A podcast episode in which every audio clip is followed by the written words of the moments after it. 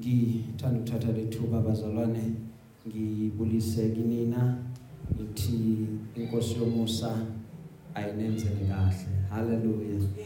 Siyabingelela kubazalwane abasibukelayo babukela ama-video ethu ku-live ngelihle igama likajesu. Haleluya. Siyabulisa kubazalwane ababukela ama-video ethu ku-youtube ngelihle igama lenkosi. Nakubona siyabingelela bazalwane. Kubazalwane abalalela ama-audio ethu nanamhlanje sithi inkosi ithela umusa kubona. Kuwumusa ukuthi sibe khona kuyona le ndawo. Haleluya. Namhlanje sizodumisa igama lenkosi. Igama lenkosi alibonge bazalwane. Amen. namhlanje umyalezo esiuphethe uthi be blessed in Jesus name. Useka ngegama lika Jesu kusho ukuthi ke bazalwane namhlanje kukhona okusemgodleni wami kukhona loku engiphathiswe kona namhlanje ukuthi akufane naloku kwa last week but ngiyathemba nje ukuthi namhlanje mhlawumbe uma inkosi ithanda siyagcina ukukhuluma ngale ndaba because namhlanje into esizele kahle kahle bazalwane sizoshayela isipikiri sokugcina ukuthi ngempela ngempela uNkulunkulu uzosibusisa kulonyaka haleluya last week besithe kinina bazalwane kodwa sithe last week? This year we shall be to shame. glory be to god. This year angeke uzuda angeke uzujapiswe angeke uzudaniswe so this year kwe- namhlanje sizothi kuwena busiseka ngegama lika Jesu ngoba bazalwane uma u- ungamkeli idisappointment uma ungamkeli ishame from enkosini kukhona lokho efanele ukuthi ukwamkele and lokho efanele ukuthi ukwamkele yini? Isibusiso esivela enkosini. Ngoba wonke umuntu owamkela ishame uma sikhuluma singathi loyo muntu akabusisekanga. But wonke umuntu ishame esusiwe uhlazo lususiwe kuyena. Loyo muntu loyo sithi lo muntu ubusisekile ubusiswe uNkulunkulu. That is why namhlanje sizothi kuwena busiseka ngegama lika Jesu so yonke indawo la uzithola ukhona asinabo kunye sizokutshela kona namhlanje ngaphandle kokuba inkosi yomusa ize ikubusise uze ubonakale even phakathi kwabantu ukuthi wena ungobusisiweyo kaJehova. Makabongo Jesu. Ngicela uyiphethe ke bazalwane Luke chapter 4 verses 18 to verse 20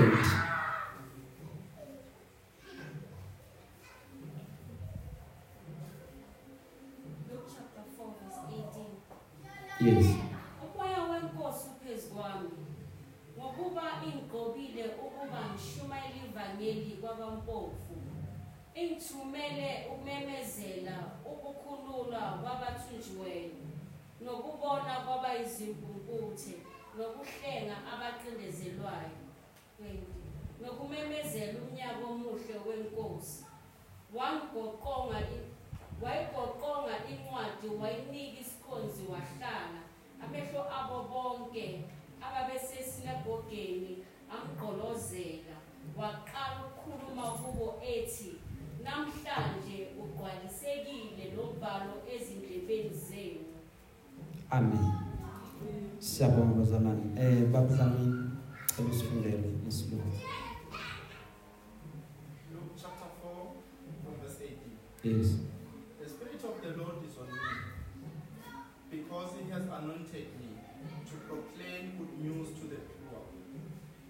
Sent, he has sent me to proclaim freedom for the prisoners and recovery of sight for, to, for the blind, to set the oppressed free, to proclaim the year of the Lord's favor. Then he rolled up the scroll and gave it back to the attendant and sat down. amen Amen. glory be to god Amen. sizovala thina sonke amehlo linamandla liyaphila lingoqobo khuluma ngalo suthise umphefumulo wethu. Sicela konke lokhu ngegama lenkosi yethu Jesu waseNazaretha. Amen. Amen.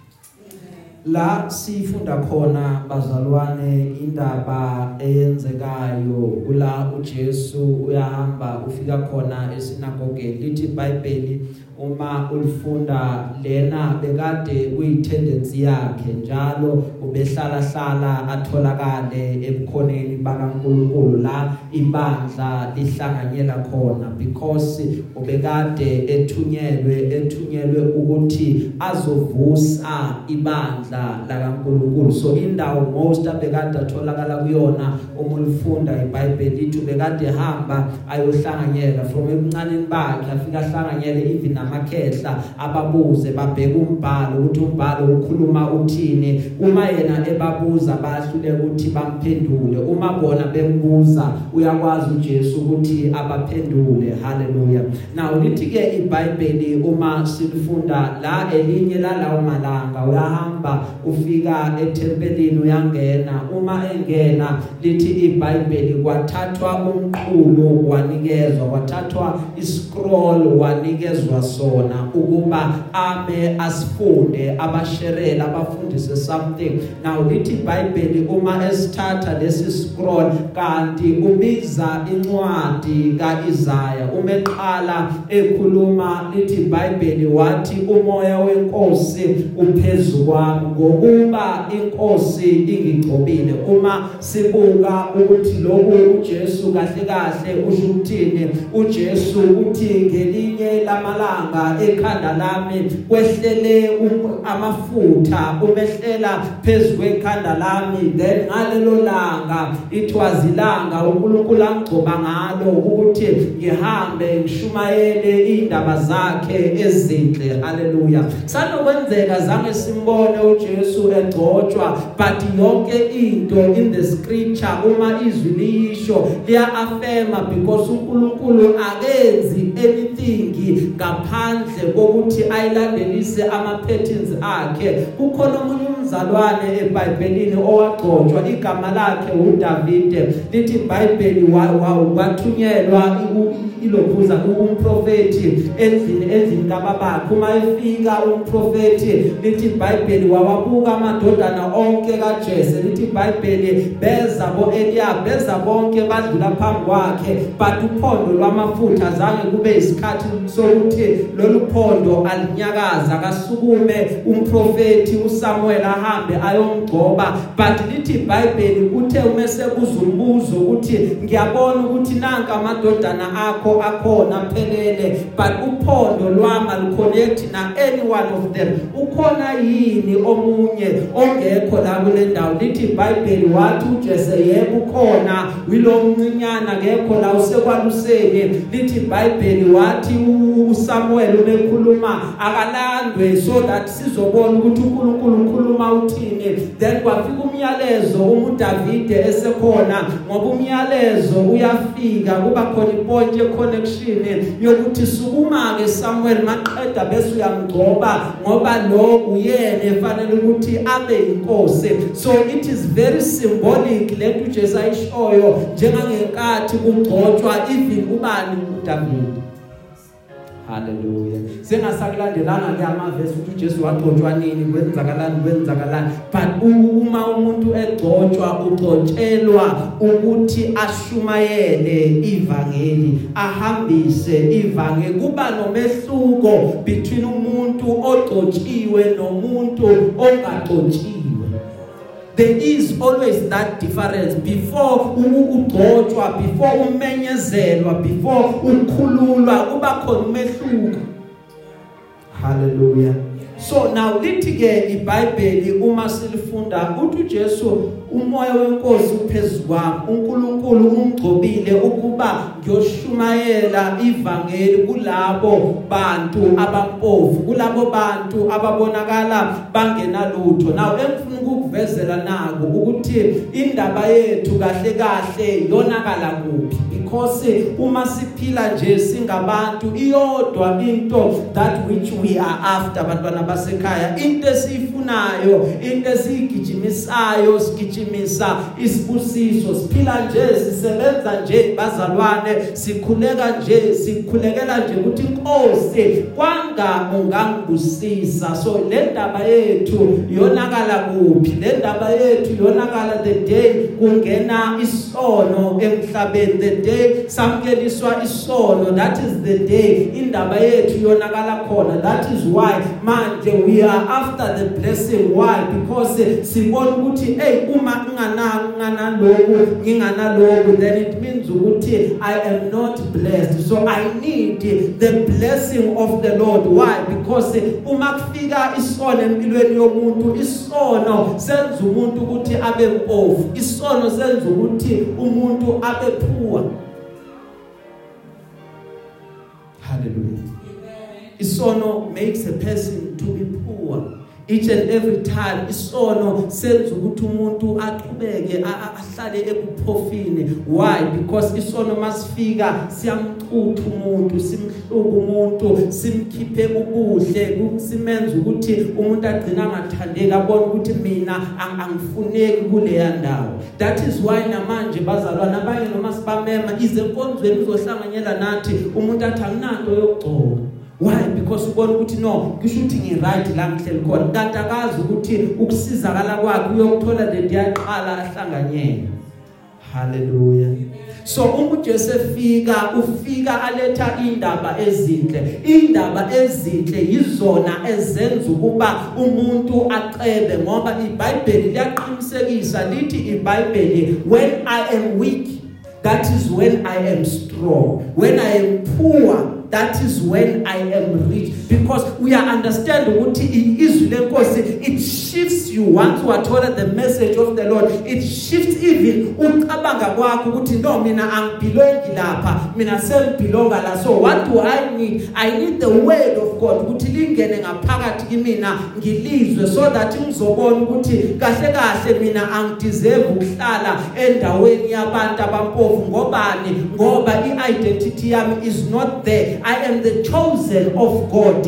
I am the one uNkulunkulu ambekile emhlabeni and ngizokwenza iimpact it matters less ukuthi ngiqhamuka kuphi it matters less ukuthi ngizalelwe ekhaya elinjani. It matters less ukuthi ubani owakhuluma ini wathini kimina. Why? Because I understand what the word of God says. Ingakho even nomuntu akakwazi ukuthi angiqalekise ngoba I know what the word of God says. Izwi la uNkulunkulu lingitshelile lathi siqalekise singenasizathu asimi. So I am not even scared ukuthi khona someone ongakhuluma something against me against destiny yami maqeda besiyenzeka. Why? Because I've migrated from esimeni sepoverty ngasuka ngayongena endaweni yabacebileyo so I understand ukuthi who am I kuKristu? Ingithumile inkosi ukumemezela ukukhululwa kwabathunjiweyo. Ziningi izinto bantwana basekhaya ezifika zisibamba the greatest trap esinayo the greatest ukuthunjwa okubhlungu kusibambayo iloko kula iqondo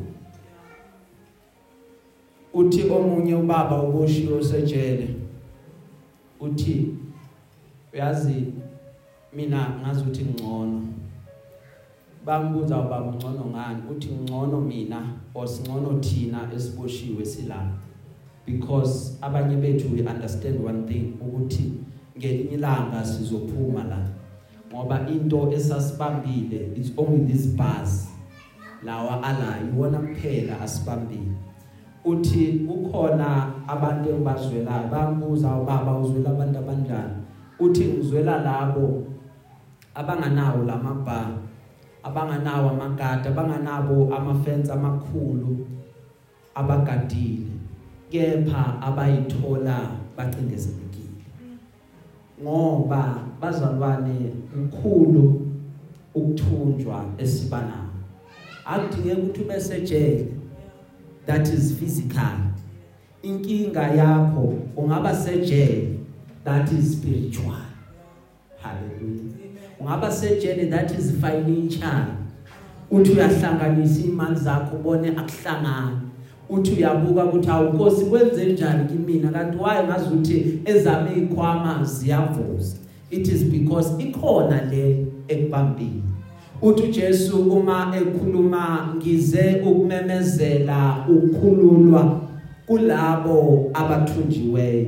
Kwathi nama ngisho njengoJesu ngithi khululeka ngegama lika Jesu haleluya khululeka ngegama lika Jesu kukona konke okubambile kukona konke okuthumbile khululeka ngegama lika Jesu whether lento isengqondweni whether lento isemndenini whether lento isekhaya ngifuna ukuthi kuwena khululeka ngegama lika Jesu whether lento isemsebenzini whether isendleleni la uhamba khona you need to be set free in Jesus name.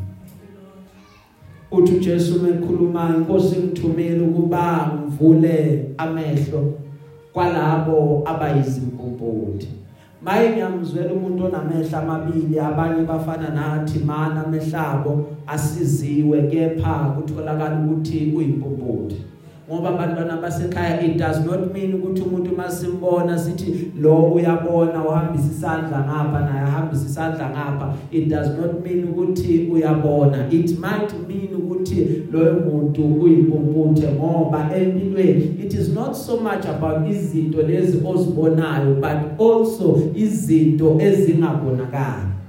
Kufanele ukuthi empilweni ufunde ukureada even ama signs wezinto ezingakhulunywa ngoba you will understand empilweni ukuthi akuyona yonke into ekhulunywayo eqondiwe noma ehlosiwe but kunezinto ezingakhulunywa simply because of why sekufike wena endaweni. So you need to know and understand to read those messages and ungaread ngama assumptions okucabanga ukuthi ngicabanga ukuthi bathi. Amen.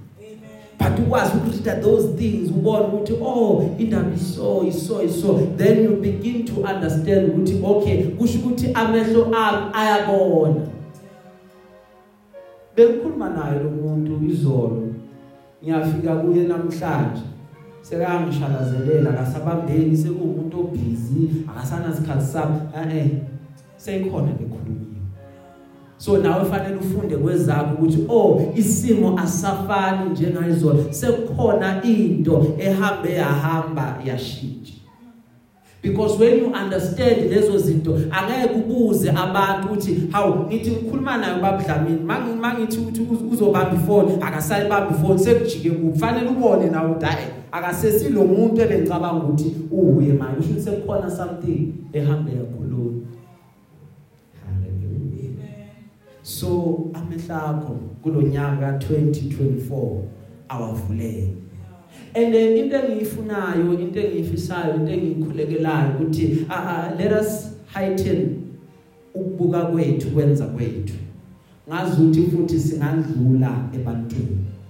Haleluya sibuke sazi ukuthi uJehova wenzani uJehova ufuna ini. So that amehlo ethu kamoya angavaleki. Because inkinga ukuthi uhlanganyele ukhonze ungabi sensitive to izinto zakamoya uqede ube impumputhe kamoya ungaboni next. Amehlakha awuvuleke kulesikhathi esingena kuso kule season esingena kuyona isizini edinga ukuthi abantu abakhonza uNkulunkulu bamkhonze kube kungukuthi amehlo abo avulekile. Awudinge kuya kumprofeti but udinga ukuthi ufunde izwi lakaNkuluNkulu. Izwi lakaNkuluNkulu liyokutshela yonke into oyidingayo ukuthi uyilungiselele even lesisikhathi ozithola ukusona. Udinga ukuthi uhlale emkhulekweni ukhuphule ialtar lakho lomkhuleko. Uma ukhuleka ngokweqiniso uzofunda ukuthi kunezinto ezingenzeki emthandazweni until uzuwenze utho. Lithi iBhayibheli uma likhuluma nayi nayi trick. E, e, eyani eyande enzonde enkulu kangaka egcwele ebandleni eyande enzonde enkulu kangaka egcwele kubazalwane ngoba lithe iBhayibheli uma likhuluma lisiyala lithe nxa nimi nikhuleka make sure ukuthi niyathethelela so automatically nganqamula intambo yokuthethelela then i'm in the wrong before i go to pray how do i expect uNkulunkulu ukuthi awuphendule umkhuleko wami if inhliziyo yami still harbors isathwele inzondo isathwele ibitterness? How do i expect god to answer? Because the the greatest thing bantwana basekhaya akukona ukuthi uthandazile. Kunabantu abathandazayo uzwe azakhale omunye uzubona ukuthi ayabona lona. That's not the greatest thing. ukuthi uthandazile the greatest thing ukuthi umkhuleko wakho uzwakele yini enkosini ngoba wena wenzeni in between ukuze wamukeleke enkosini ngoba iqiniso usulizwile awukhuleki njengomuntu onganaka ukuqola that is why fanele ukuthi noma uzongena komunye umkhuleko uqala ulungise wena qala uthi Nkosi siza mina moyo before I go and pray another prayer. Why? Because I need to be right before God before I utter these words.